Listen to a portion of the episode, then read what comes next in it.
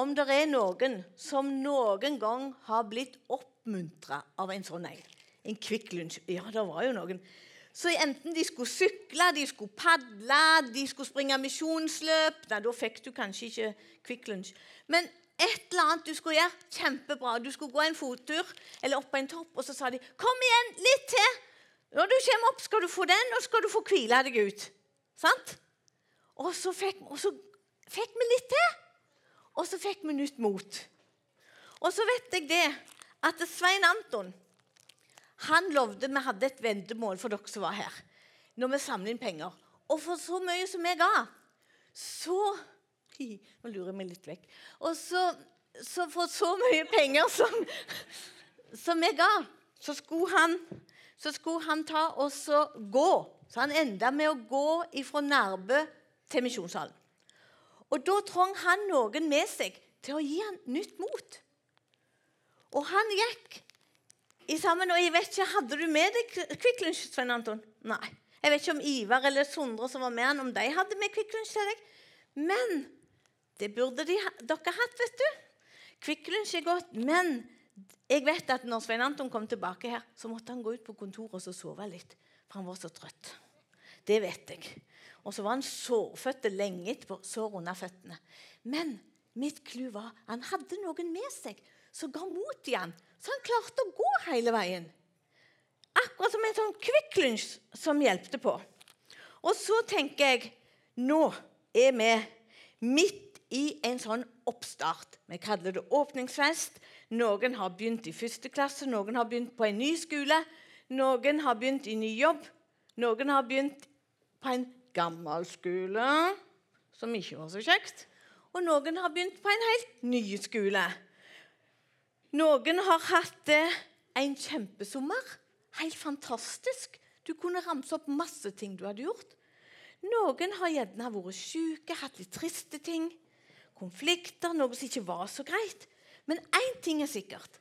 At nå når vi begynner, i høst nå, så får vi både ting som er kjekt, og ting som er litt tungt og tøft. Det vet vi. Sånn er livet. Men hva gjør vi da? Hvordan takler vi det? Og da har jeg tenkt en del på. Rett og slett Å ja, skal vi se. To navn. Saul og David. Jeg har tenkt på Saul. Og Saul han var den første kongen over israelsfolket. Det var noen som het dommere først, og så fikk de krangla seg til at de ville ha en konge sånn som alle andre. Så ble han Saul han ble konge, og han var konge i to år. var Saul konge. Og så var det Jonathan. Han var sønnen til Saul. Og så var det David. Whoop. David. Oh, han var en som jobbet ikke Saul. Han spilte harpe. Og dere husker mange av dere David som drepte Goliat. David og Jonathan oh, Det er ikke lett når vi skal ha så mye her. David og Jonathan de ble bestevenner. Og vet du hva det står? At Jonathan han ble så glad i David at han var like glad i David som han var i seg sjøl. Uh, det er ganske sterkt. Jeg er veldig glad i meg sjøl. For hvis noen gjør noe vondt med meg, så syns jeg det er ikke greit. Og det står at Jonathan han var like glad i David som han var glad i seg sjøl. Så var det det at han Saul han gjorde ikke det som Gud ville. Så Gud avsatte Saul, og så innsatte han David som konge. Ops, jeg tror vi skal la de stå der. Det er det beste. Så Gud han avsatte Saul og innsatte David. Og da kunne jeg snakket til i morgen kveld. For det var masse. Det var strid, og det var tøffe tak. Og vi kan lese masse om det i Bibelen. Og vet du hva? Hvis vi leser i salmene, så ser vi litt av følelsene som David hadde midt i den konflikten. Og vet du hva? Nå har jeg lyst Vi skal lese ifra 1. Samuels bok, kapittel 23, og så skal vi lese vers 15-18.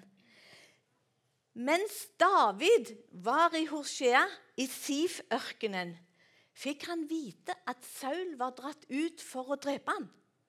Men Jonathan, Sauls sønn, dro av sted og kom til David i Horesja. Han hjalp han til å hente nytt mot hos Gud. Vær ikke redd, sa han. Saul, far min, får ikke tak i deg. Du skal bli konge over Israel, og jeg skal være nest etter deg. Det vet Saul, far min. Så gjorde de to ei pakt med hverandre for Herrens anlitt. David ble værende i Horesja, men Jonathan gikk hjem til seg. Å jøye meg, hva er det vi leser her? Hva var det vi leste? David han ble tvunget til å være rundt i ørkenen.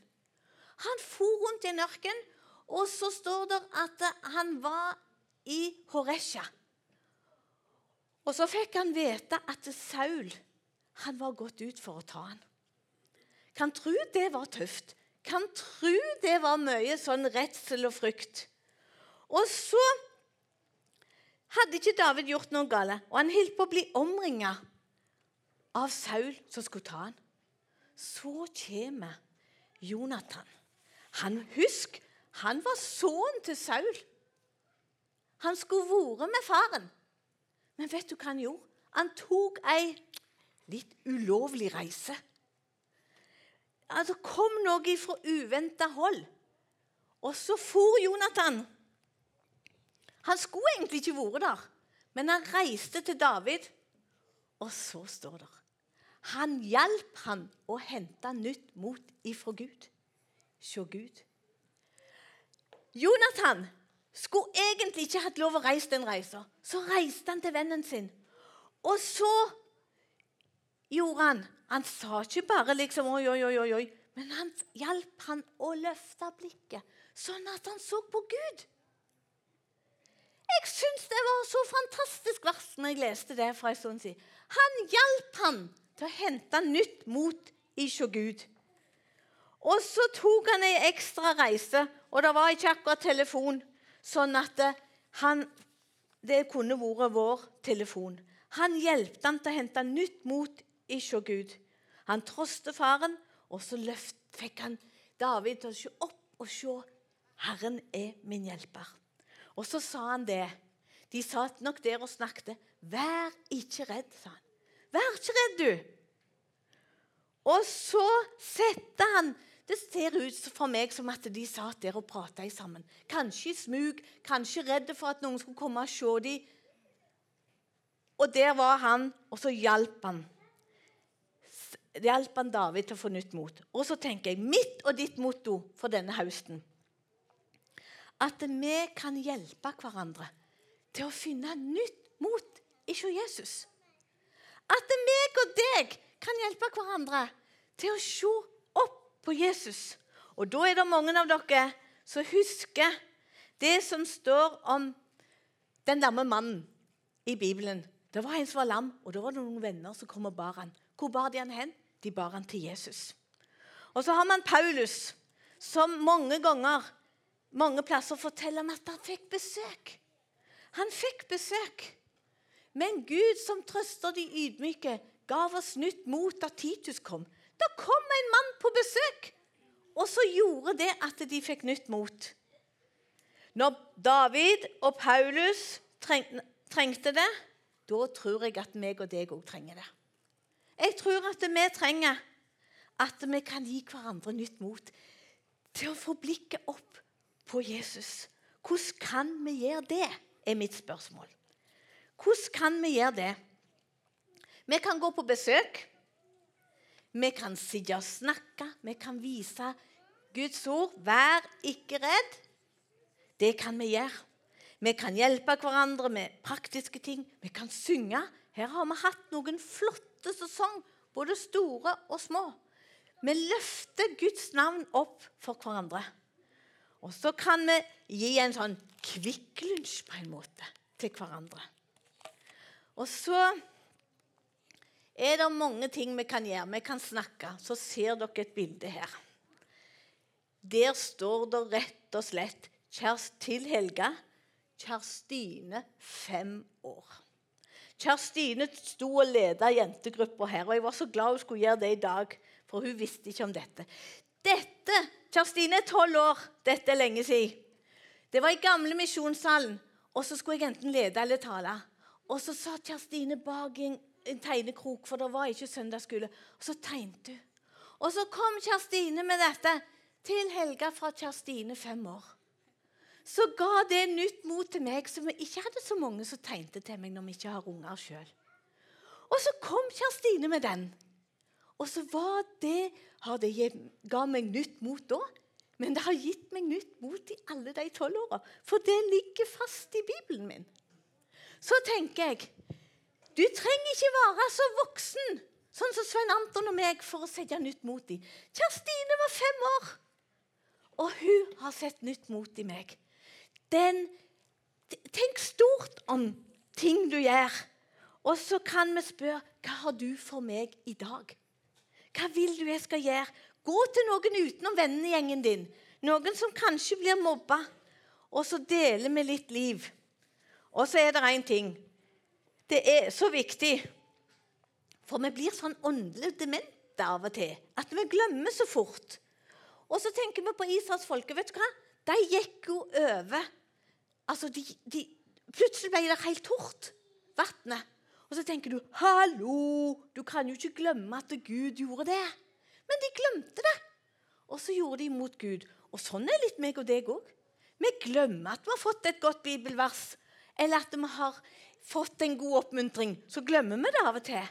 Og så glemmer vi jeg at Jesus beskytta meg for røvere når jeg var på Vema. Og så glemmer jeg det.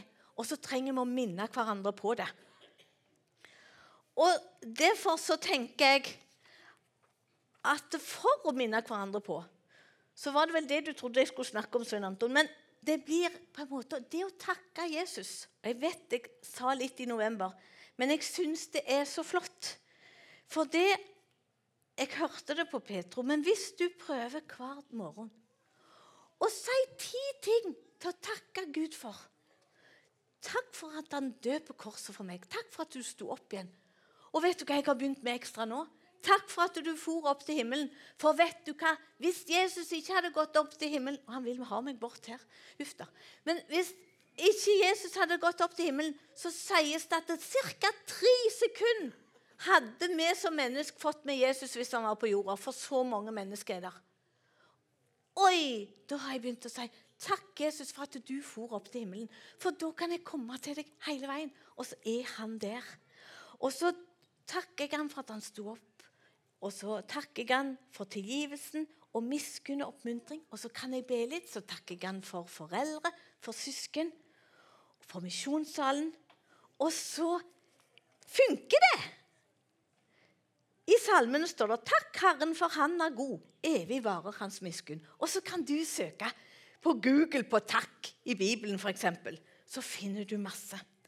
Og så er det det dette er ikke noen oppskrift, men prøv det. For det funker faktisk. Det å takke. Og så står det at vi skal ha blikket festa på Jesus. står der. Så tenker jeg Tenk om meg og deg kunne ta en Kjerstine, og så kunne vi hjelpe hverandre. Det var jo gøy du sitter på første benk når nå, da, Kjerstine. Det var veldig bra for meg. Hjelpe hverandre til å få en Kvikk Lunsj-oppmuntring til å se på Jesus. Og så kan vi En måte er å takke Jesus hver morgen. Det er ikke alt jeg forstår, men så sier jeg du, Jesus, jeg forstår det ikke helt, men jeg vil tro det. Jeg vil bare tro det. Og så blir det mitt. Hva har du for meg i dag? Og så blir det velsignelse. Lykke til med at han hjelpte han til å hente nytt mot ikke Gud. Det må være mottoet vårt.